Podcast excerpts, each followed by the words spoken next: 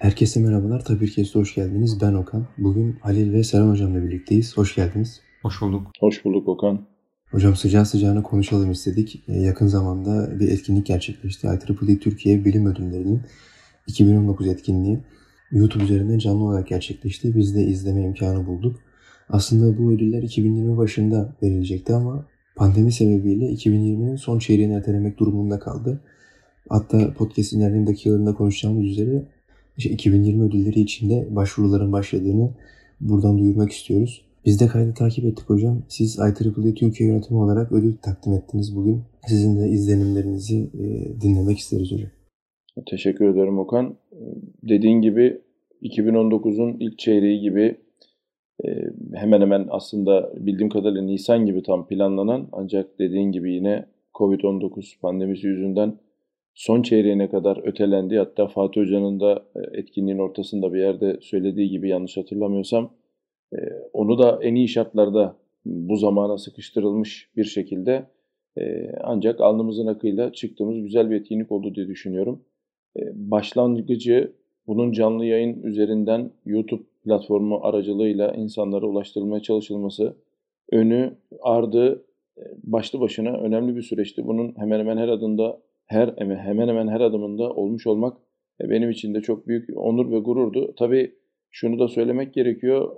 Ben her ne kadar bu konu gündeme geldiğinde Fatih hocamıza söylesem de e, hocam tabii e, uygun gördüğü için ödül takdim etme gibi bir durum söz konusu oldu. Halbuki oradaki bulunan hocalarımın arasında herhalde ödül takdim edecek kişiler arasında bile yokken böyle bir gurur tablosu bizim için de tabii önemliydi.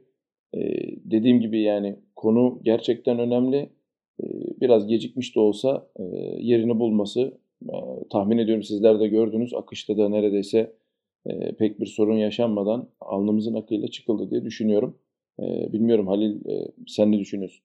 E, hocam bizim de takip etme imkanımız oldu. Bu yeni normal dediğimiz dönemde aslında bu online etkinliklere oldukça fazla katıldık. Geçtiğimiz günlerde de yine IEEE Region 8'te Virtual SIP kongresi düzenlenmişti. Mesela yaklaşık 14 gün sürmüştü. Ee, çok ciddi emekler harcanıyor. Ve insanların fiziksel olarak bulunduğu ortamların haricinde iletişim gerçekten zor olabiliyor diye düşünüyorum buralarda. Buna rağmen e, dediğiniz gibi hani herhangi bir sekme, aksama hiçbir şey olmadı. Hazırlıklar e, önceden çok güzel yapılmış hocam. Teşekkür ederiz e, genel olarak programdan oldukça etkilendik diyebiliriz. Yapılan çalışmalar, doktora çalışmaları. Özellikle e, çalışmaların çoğunun biyomühendislikle alakalı olması e, benim ilgimi çekti hocam. Çünkü hani IEEE deyince aklımıza biz e, daha çok şey geliyor. İşte haberleşme, sinyal işleme, e, elektrik, elektronik daha böyle hani direkt IEEE olan alanlar geliyor. Çünkü biz de elektrik elektronik mühendisliği okuyoruz. E, siz de biliyorsunuz hocam. E, biyomühendislik konularının e, bu kadar e, öne çıkması e, benim tekrardan söylemek istiyorum dikkatimi çekti ve bu alanlarda bir, hani araştırma şeyine de itti hocam açıkçası. Siz ne düşünüyorsunuz bu konuda öğrenmek isterim. Valla ben de açıkçası ödüllerin e, tabii hazırlık sürecinde kimlere gideceğini biliyorduk. Zira onu da konuşmak lazım. Pandemi nedeniyle ödüller böyle yayında gösterilmeye çalışıldı. Aslında fiziksel olarak da iletildi biliyorsunuz. Bu, bu da mesela ilginç bir ayrıntıydı. Yani gerçekten e, ödülü hak eden hocalarımıza, çalışma arkadaşlarımıza e, bunların ulaştırılması için de önemli bir çaba sarf edildi. E, bu noktada senin e, sözüne katılmamak elde değil. Çünkü orada e, yapılan çalışmalar hatta hatırlayacaksınız ortalarda bir yerde tahmin ediyorum bir e, internet platformunun yayınladığı bir dizide de konu olmuş bir çalışma. Yani insanlar bunları gerçekten takip ediyor. Hatta e, Fatih Hoca'nın kendi ifadesiyle bazı çalışmalar çok iyinin ötesinde bilim kurgu gibi, gerçek gibi değil. Bu ifadeye yakın bir şey kullandı yanlış hatırlamıyorsam. Gerçekten yani bunların hepsini bir arada görmek bir, bir ödül etkinliğinden çok ben kendi adıma söyleyeyim. E, bir seminer havasında geçti. Ben öyle değerlendiriyorum. Ya insanların neler yaptığını, bunu ne kadar ileri götürdüğünü, tabii bir ödül seremonisi ciddiyetiyle de birleştirilip ve bunu çok kısa sürede yani tahmin ediyorum yayın 2 saatten belki biraz fazla sürmüş olabilir ya da 2 saate çok yakın. Yani kesinlikle bir buçuk saat açtı diye hatırlıyorum. Yani o, o bilgi akışı, bilgi bombardımanı ve bunu en iyi yapan insanların bunu bir buçuk saate işte iki saate sığdırmaları gerçekten çok önemliydi. Herhalde podcast'te de konuşuruz. Yani konunun çeşitliliğinden ziyade bu işi en iyi yapan adamların, bu işi gerçekten çok ciddiye alan insanların hepsinin bir arada büyük bir samimiyetle, büyük bir özveriyle çalışmalarını hızlıca özetledi. İnanılmaz bir etkinlik oldu. Dediğim gibi ben buna bir ödül töreninden ziyade çok böyle büyük bilgi birikimini bir araya sıkıştıran hap gibi önemli bir seminer olarak bakıyorum. Tabii ki ödül etkinliği şeklinde anılacak ama ya ben kendi adıma buradan çok önemli dersler çıkardığımı düşünüyorum research anlamında, araştırma anlamında. Teşekkür ederiz hocam. Bugün çok iyi düzenlenmiş bir organizasyon vardı karşımızda. Biz izlerken bahsettiğiniz gibi aynı şekilde keyif aldık ve e, farkındaydık. E, arkada iyi bir planlamanın olduğunun. Hocam çok iyi çalışmalardan bahsettik ancak katılımcı sayısı e, biraz çalışmaların ağırlığında göz önünde bulundurunca az gözüktü gözümüze. Tabii tahmin ediyorum şu an kayıt altında olduğu için YouTube'da hala erişebilir olduğu için bu sayı gittikçe artacaktır katlanarak ancak e, canlı yayın esnasında biraz azdı. Hatırladığım kadarıyla da 50'yi e, geçmemişti diye hatırlıyorum hocam. E, umuyoruz ki bir sonraki senelerde de katılım sayısı daha fazla olacaktır. Hem ödül alan kişiler sayısından hem izleyenler açısından. Ya ben dışarıdan bir takipçi olarak şunu eklemek istiyorum hocam. Hem e, IEEE Türkiye Student Branch e-mail gruplarında yer alıyoruz. Hem de en son Student Branch'in konferansında online olarak yapılan konferansı takip etme imkanı bulmuştuk. Yani biraz IEEE Student Branch ile IEEE Türkiye yönetimi arasında e, bu büyük ihtimalle Student Branch kaynaklı olduğunu düşünüyorum. Bir kopukluk var gibiydi. E, tam olarak duyuruları e, diğer etkinliklerin duyurulduğu kadar böyle e, heyecanlı bir şekilde duyurulmadı. Halbuki e, bu IEEE'nin içinde bulunan her bir öğrencinin aslında e, hedeflerinden biri olması lazım diye düşünüyorum yani bilim ödüllerini almak. Çünkü ben kendimi hani acaba doktora tezimi yapıp böyle bir sunum yaparken acaba böyle bir ödülle layık görülebilecek miyim? Çalışmam bu kadar iyi olacak mı diye düşünüyordum. Ki Okan'ın da dediği gibi orada e, baktığımız işte 50 kişileri 50 kişilerin altındaki sayıları görünce e, biraz açıkçası e, o an üzülmüştüm. Sizden de bunun hakkında bir yorum almak isteriz hocam. Valla teşekkür ederim Halil. Tabii biz etkinliğin kullanılan platformu aslında Tapir'in de hazırlık sürecinde desteğinde bulundu biliyorsunuz. Ee, Zoom hesabı üzerinden yapılan bağlantıyla e, bizim de desteğini ve yönetimini yaptığımız YouTube kanalı üzerinden e, gerçekleşti. Bu noktada ben platformun tabii öbür tarafındaydım. anlık YouTube'a bakma fikri de biraz tehlikeli oluyor. Zira mikrofon açıp kapatıyorsunuz. Denemelerde, e, pratiklerde bunu özellikle bahsedeceğiz yine Simay Hanım ve Fatih Hoca özellikle söyledi Tunçer Hoca. Yani o konuda biraz dikkat ettik. Yankı yapar, işte biraz kötü bir kayıt olur diye. Onu görmedim tabii. Ancak şu konuda kesinlikle sana katılmamak elde değil. Açılışı Fatih hocamız yaptıktan sonra hatırlarsanız IEEE'nin seçilmiş başkanı geldi bu toplantıya. Yani e, yarım saate yakın bir konuşma. E, ondan sonra önemli bir vizyon, önemli bir e, misyon aktarımı, neler yapılacağı, neler yapıldığı. Sonra Bülent Sankur Hoca, hani ben kendisinden ders alma şerefine nail olmadım ama ya şu an orada kendisini de tanıttığı TÜBA terimin hemen hemen işte Türkçe yazmaya çalıştığımız makalelerde veyahut da araştırmalarda en sık başvurduğumuz veri tabanlarından birisinin ortaya koyucusunun ödül aldığı bir etkinlikten bahsediyoruz. Yani bu çok genelde rastlanılan bir şey değil. Ee, ötesinde yine dediğiniz gibi e, tanınan ödüllerin, verilen ödüllerin başlıkları, tasnifleri aslında IEEE öğrenci kollarının yaş grubuna bakıldığında mezuniyetten hemen sonra belki aralarında 3-5 yaş fark olan insanlara verildi. Yani olaya bir de böyle bakmakta fayda var. Son kısma gelirsek aslında senin en başta söylediğin yine Fatih Hoca ile Tunçer Hoca'yı konuk aldığımız e, Tapirkest'te de aslında bu konuyu hatırlarsanız konuştuk. Hatta son soru yanlış hatırlamıyorsam Fatih Hoca özellikle bu konu ile ilgiliydi. E, Fatih Hoca da bu konuda görüşlerini bildirdi. İlgili Tapirkest'te zaten ayrıntıları var. Burada tekrar yenilemenin alemi yok ama ben şunu açık söylemekte e, bir beis görmüyorum.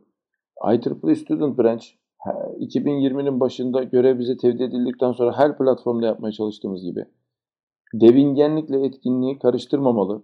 Etkinlik denilen böyle şeyler olur. Gördünüz işte. Yani state of the art diyorlar. Yani cutting edge diyorlar hatta değil mi?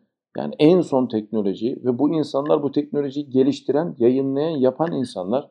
Yani etkinlik dediğim böyle olmalı yanlış anlaşılmasın ben bu etkinliğin yalnızca son kısmında bulundum. Hani etkinliği düzenleyen, e, yapan onları da değiniriz. Ben gerçekten e, bu noktada zurnanın son deliği pozisyonunda bile değilim.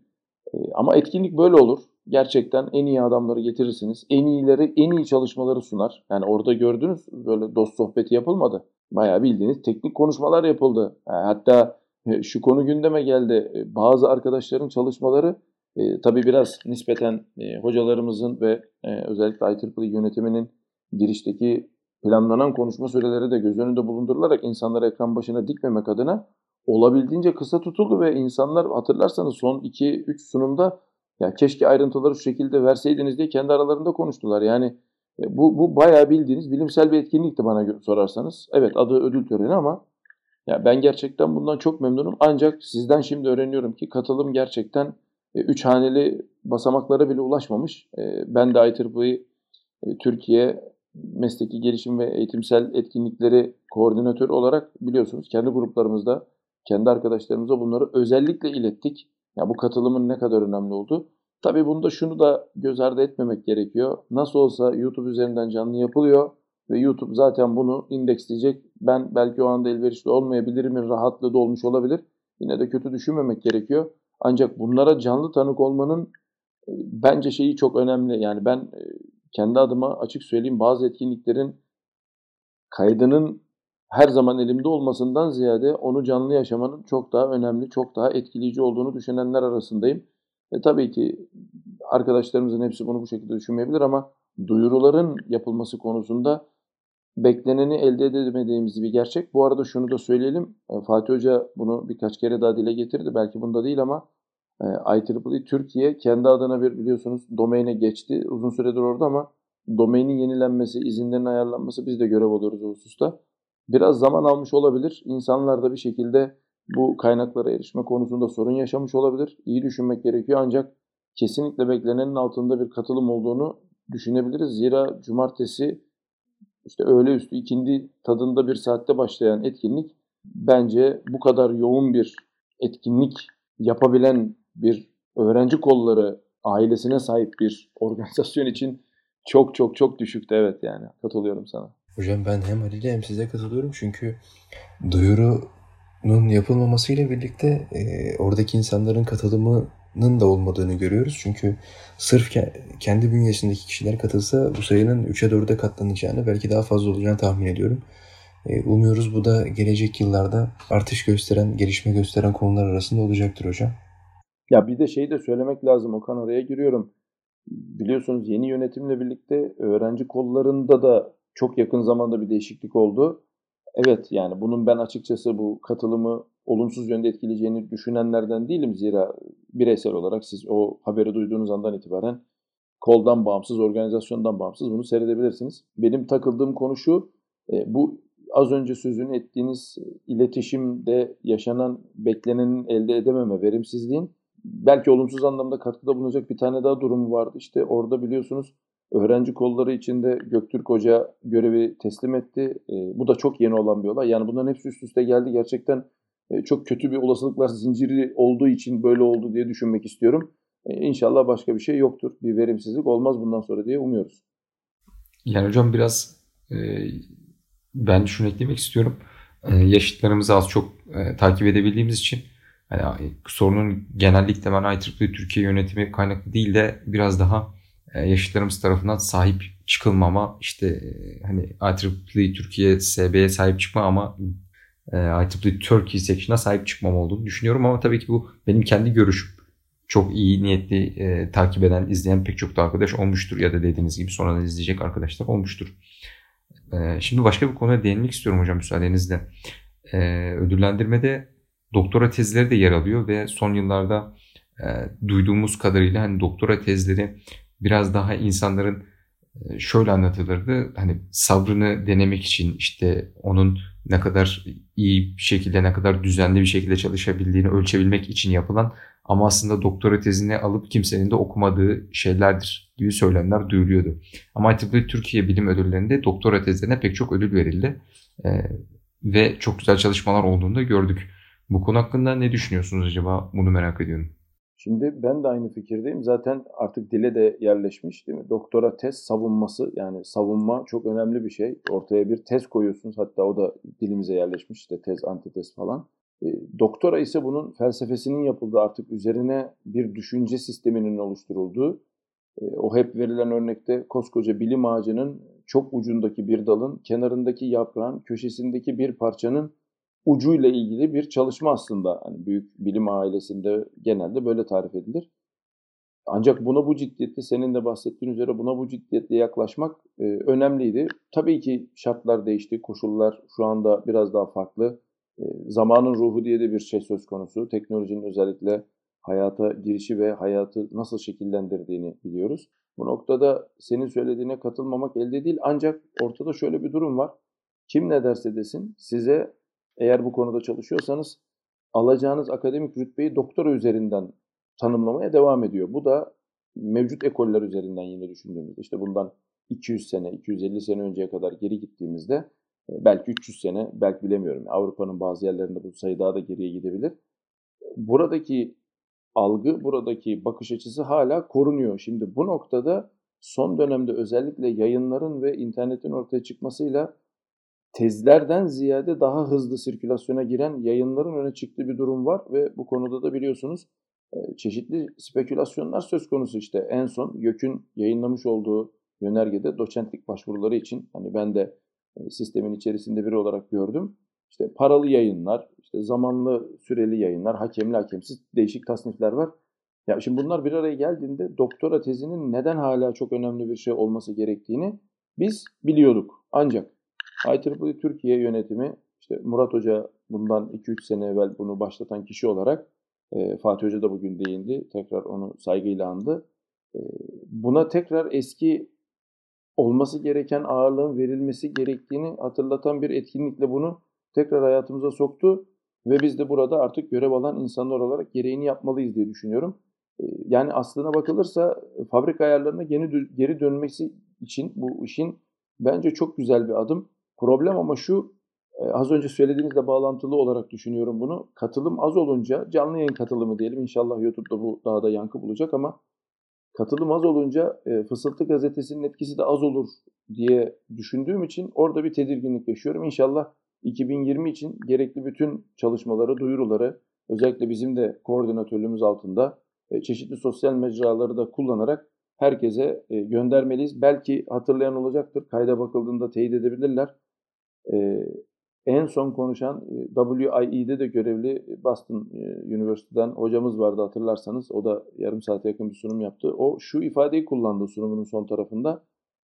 Neden birilerini önermiyorsunuz? Yani bu da mesela ikinci bir kısmı. Yani duyuruların belki gerçekten hepsi adrese ulaşıyor ama bir de duyuruları alan kişilerin ya benim arkadaşım var ya da benim şöyle bir hocam var, benim şöyle bir tanıdığım var. Ya gerçekten ben bu şahsın çalışmasının önemli olduğunu düşünüyorum deyip bunu ilgililerin haberdar olabilme radarına sokması da gerekiyor. Bu da problemin ikinci kısmı. Yani duyuru kesinlikle gerek şart ama yetmiyor. Bir taraftan da bu konuda birilerinin taşın altına elini sokup etrafımızda böyle çalışmalar var demesi. Bir de biliyorsunuz Türklerde tevazu kültürü öne çıkıyor. Bugün de gördük yani. Ne kadar büyük çalışmalar yapan hocalarımız ne kadar tevazuyla anlattı. Ben ağzım açık dinledim bir sürü çalışmayı. Yani şimdi bir de bu kültürümüzde olduğu için yani bir taraftan da e, bunun duyurulmasının yanında tabii ki duyurulması çok önemli. Birilerinin de e, etrafındaki insanları bu konuda yüreklendirmesi ve ön ayak olması gerektiğini düşünüyorum. Bu da problemin ikinci kısmı gibi geldi bana. Hocam Halil'in ve sizin de bahsettiğiniz üzere ben de bir soru sormak istiyorum. Ee, işte önceki podcastlerde de söylemiştik. Yakın zamanda bir e, bitirme bitirme tezi yazdım ben de hocam. Yani bitirme raporu, bitirme projesinin raporuydu aslında teknik olarak. E, doktora tezinin bir bitirme projesinin ya da herhangi bir proje raporundan farkı veya öne çıkan şey nedir? Yani bu şu an insanların omuzunda bir yük olarak mı duruyor? Eğer yani böyleyse insanlar bunu nasıl yapmalı? Bir genel hatlarıyla çizmek gerekirse kapsamı nasıl olmalıdır? Ya şimdi tabii e, ligleri farklı iki şeyden bahsediyoruz. Önce ortak yanlarını söyleyelim. Ayrıldıkları yerleri zaten bulmak kolay olacaktır. Lisans düzeyindeki bir çalışmanın bilimsel dizine katkısı genelde belli bir seviyede belki de gerektiği düzeyde de sorgulanmayabilir. Ancak doktora denilen çalışmanın işte o sizin bahsettiğim yani mühendislik için konuşalım. Mühendislik bir akademik titir, akademik şapka değil. Mühendislik bir mesleki yeterlik bildirgesi. Ancak doktora dediğinizde hangi meslek olursa olsun, hangi alan diyelim, meslek doğru değil, hangi alan olursa olsun o konuda o az önce bahsettiğim bilim ağacının kabaca her dalına basıp tırmanıp onun sizin çalıştığınız alandaki en uç noktasına gidip onun oradaki önemli bir sorunu daha önce hiç çözülmemiş, daha önce yaklaşılmamış, daha önce bakılmamış bir açıdan ele alarak bilimsel dizine olumlu bir katkıda sunmanız beklenir. Şimdi bu ikisi arasındaki fark ortada. Bir tanesi bilimsel dizine en uç düzeyde katkıda bulunması gerekirken bir tanesinin böyle bir katkısı olmayabilir. Olursa tabii çok güzel olur ama olmayabilir. Şimdi bu ikisi açısından bakıldığında bu fark ortadayken ortada doktora tezinin e, Halil'in de girişte bahsettiği özenli, düzenli ve bilimsel dizine yaraşır bir biçimde hazırlanması sorunu geliyor. Şimdi burada tabii şu soru gündeme de gelmeli. Doktora çalışmasındaki arkadaşımızın akademik geçmişi ve akademik birikimiyle tabii ki bir lisans öğrencisinin bir bitirme raporu ya da tezi için, bitirme tezi doğru ifade değil ama dediğin gibi bitirme raporu için e, aynı bilgi birikimiyle aynı şeyleri aynı şekilde yapmasını beklemek doğru ve adil olmuyor. Ama şunu söylemek kesinlikle gerekli. Özen, ciddiyet, bilgiyi karşı tarafa aktarma bakış açısından ele alınırsa ikisinde de aynı ağırlığa sahip. Bir tanesinin ağırlığı süre nedeniyle çok daha fazla olması bekleniyor ki buna doktora diyoruz. Diğeri süre nedeniyle ve deneyim nedeniyle daha hafif kalıyor ama ikisinde de maksat aynı olmalı. Karşı tarafa bilgiyi en verimli biçimde aktarmak. Bunda doktora da tabii ki bir de bilimsel dizine, bilim ağacına mutlaka somut, ölçülebilir, özgün bir katkıda bulunma ön koşulu, son koşulu, ara şartı ekleniyor. Bilmiyorum yanıt oldu mu? Evet hocam teşekkür ederim. Ee, yani hocam aslında amacımızın hep aynı olduğunu, bilimsel dizine maksimum katkı olduğunu anlayabiliyorum. Ee, bilimsel çalışmalardan bahsettik bugün, yapılan çalışmalardan. Ee, bugün mesela en çok göze çarpan, benim en çok gözüme çarpan çalışmalardan bir tanesi ee, bir yara tedavi yönteminde ışığın kullanımıydı ve bu beni gerçekten etkiledi. Hatta sizin de Fatih Hoca'nın e, sözünü atıf, sözün atıfta bulunduğunuz çalışma buydu diye hatırlıyorum. Ee, yani Fatih Hoca bu bir bilim kurgu filminden çıkmış bir fikir gibi dedi ve e, ortada yapılmış bir çalışma var. Ve gerçekten dediğiniz gibi en uç noktada en ayrıntılı şekilde fakat farelerin retinası ile, ile ilgili yapılan bir çalışmaydı. Burada dediğinizin canlı örneğinde görmüş olduk aslında bugün yani en uç noktada en ayrıntılı şekilde fakat yine insanlığa hizmet eden bir çalışma vardı. Ee, umuyoruz hocam bir gün biz de böyle çalışmalara imza atarız. Hatta yanlış hatırlamıyorsam hocam Fatih Hoca bir yerde şeyde söyledi bu e, biyomühendislik tabanlı bir çalışmada.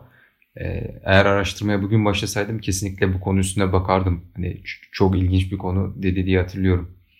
Hocam az önce konuştuğumuz bir konuya tekrar dönmek istiyorum. Aday gösterme gösterilmeden bahsettik. E, dünya genelinde hani diğer IEEE'nin e, globalde de böyle ödüller olduğunu biliyoruz. Hatta Nobel de mesela bunun içine giriyor. Yakın zamanda Nobel ödülleri de gerçekleşiyor. Ee, mesela aday gösterme gösterilme e, süreci nasıl gerçekleşiyor? Biz e, akademik olarak bir başarının kesinlikle olması mı lazım yoksa mesela e, sürekli projeler üstünde çalışan bir insan sadece projeler yapan ama e, diyelim ki yayını olmayan bir insan bilimsel e, ödüle layık görülebilir mi? Şimdi e, çok güzel bir soru.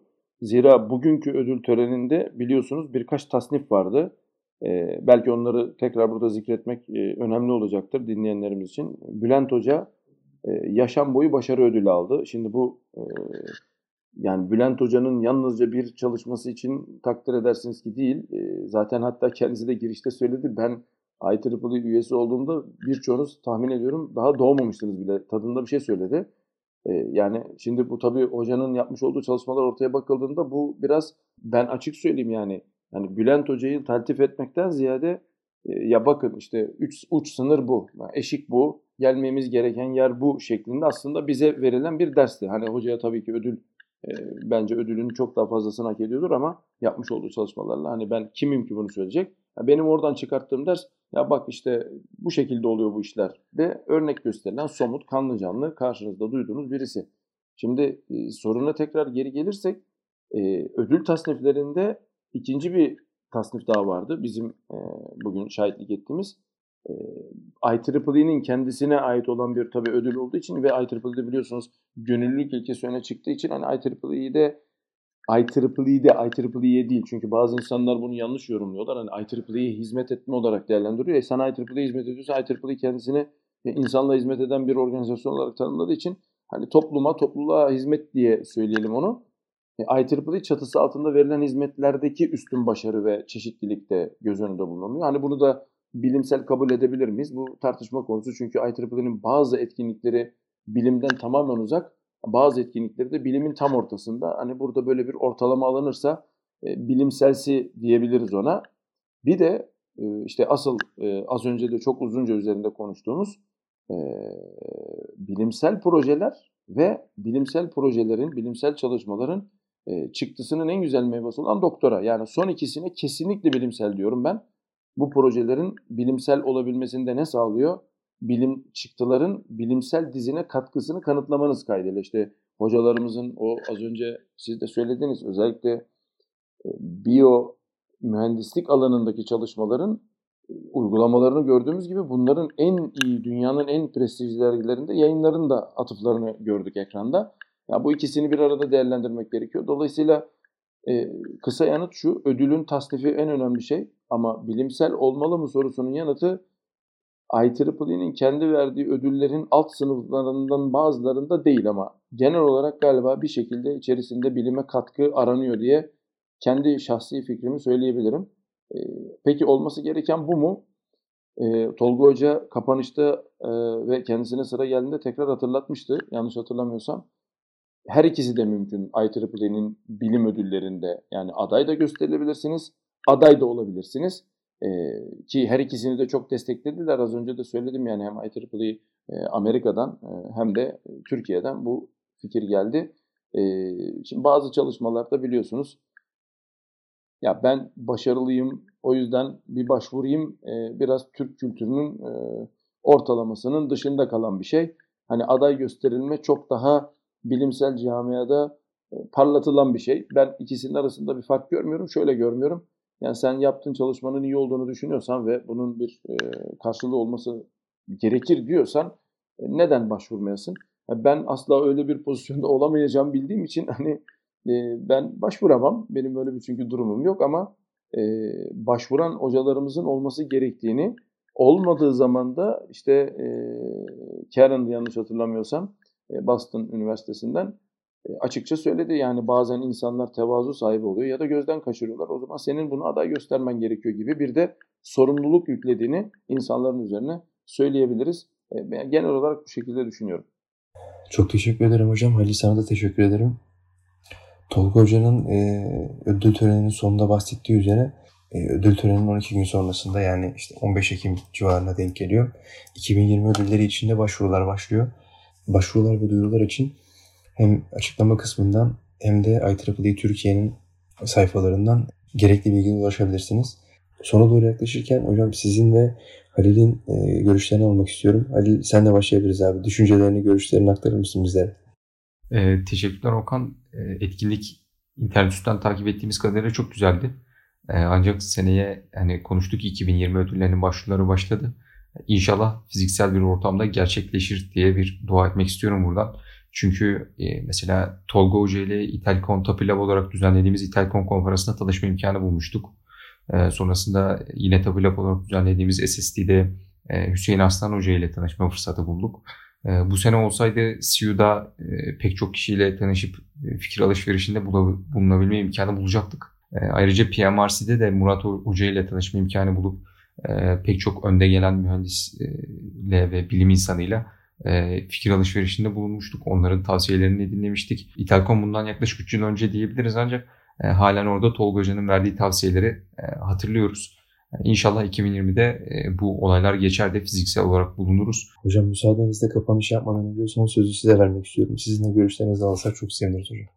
Valla Okan şu şekilde söylemek istiyorum. Ben ödül etkinliğinin son kısmının tamamına katıldım. Ee, özellikle Fatih Hoca tek başına dakika dakika hatta elimizde akışlarla ilgili birkaç tane sürümü var çünkü her şeyi planladı. Gelişleri, gidişleri, dönüşleri, moderasyonu, moderasyonda hangi sırada kimin geleceğini, hatta A planı, B planı, C planı şeklinde çünkü bizim de takdimini yaptığımız arkadaşımızın katılamaması söz konusuydu. Ancak oturumun hemen başında bir gelme durumu söz konusu oldu ve gitti. Dolayısıyla hızlıca bu yönlendirme hiçbir aksamaya mahal vermeden yapılabildi. Bütün denemelerde biz de hem Tapir olarak hem de IEEE Türkiye olarak bulunduk. Dolayısıyla başta Fatih Hoca'ya ben açıkçası çok teşekkür ediyorum. Podcast'ten önce de kendisiyle ufak bir konuşma şansı elde ettim. Kendisine bu konuda teşekkür ettim. Yani gerçekten şey dedi bana, bunu burada kendisinden müsaade almadım ama herhalde affına sığınarak, müsaadesini isteyerek burada söyleme şansı bulacağım.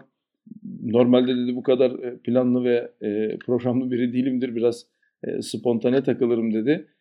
Ancak gerçekten yani son 72 saati bunun oldukça yoğun bir şekilde geçen önemli bir ön çalışma yapıldı. Çok fazla denemeler yapıldı, akışlar denendi. O yüzden Fatih Hoca'ya başta çok teşekkür ediyorum. Tabii hemen ardından Tunçer Hocam bütün moderasyonu, planlamayı ve programlamayı yapan kişilerin başında geliyor Fatih Hoca'dan sonra. Ve e, Simay Hanım'la birlikte bunu oldukça iyi yürüttüler diye düşünüyorum. Biz de üzerimize düşen görevleri bize görev tevdi edildikçe yaptığımızı düşünüyorum. Özellikle Tolga Hoca biliyorsunuz ödüllerin sunumunda Fatih Hoca da kendi hocası olduğu için Bülent Hoca'nın sunumunda aktif rol aldılar. Yani bu da çok önemli bir şeydi. IEEE'nin seçilmiş başkanının açılış konuşmasını yapması ve sunum boyunca bulunması, yurt dışından konukların olması, hatta ödüllerin fiziksel olarak insanlara ulaştırıldığından son dakikaya kadar emin olunmaya çalışma çabası bile bence bu etkinliğin oldukça önemli bir geçmiş olduğunu gösteriyor. Çok şükür işte IEEE Türkiye kanalının da YouTube mecrası üzerinden paylaşıldı. Şu anda orada herkes erişebilir. Allah ömür verirse, nasip ederse inşallah 2020 ödüllerinde de en kötü ihtimalle katılımcı olarak, orada izleyici olarak bulunmayı çok istiyorum. Son olarak şunu da söylemek istiyorum. IEEE bilim ödülleri bir IEEE Türkiye etkinliğidir. Ben bunu böyle yorumluyorum. IEEE bilim ödülleri bir bilimsel etkinliktir. IEEE Türkiye bilim ödüllerinin e, normal bir etkinlik, sıradan bir etkinlik olmadığının kanıtı 2019 ödüllerinin Ekim 2020 içerisinde yapılmış olan YouTube kaydında mevcuttur. E, inşallah bundan sonra çıta bu olur. Bunun üzerinde işler yapmaya gayret eder insanlar diye düşünüyorum. E, teşekkür ediyorum. Teşekkürler hocam. Bu bölümümüzde IEEE Türkiye 2019 bilim ödüllerini genel olarak bir yorumlamaya çalıştık. Artılarıyla, eksileriyle fikirlerimizi sizlere aktarmaya çalıştık. Değerli bilgilerinizi bizle paylaştığınız için teşekkür ederiz Sen Hocam. Ben teşekkür ederim. Okan sana da katıldığın için teşekkür ediyorum. Ben teşekkür ederim. Açıklama kısmında önümüzde gerçekleşecek etkinlikler IEEE Türkiye Bilim Ödülleri'nin YouTube linkini bulabilirsiniz. Ayrıca IEEE Türkiye 2020 ödüllerinin de başvuru linkini açıklama kısmından erişebilirsiniz. Şu an aklımıza gelmeyen konuşma içinde bahsettiğimiz gerekli linkleri de yine açıklama linkinden ulaşabilirsiniz. Dinlediğiniz için çok teşekkür ederiz. Herkese iyi günler diliyoruz.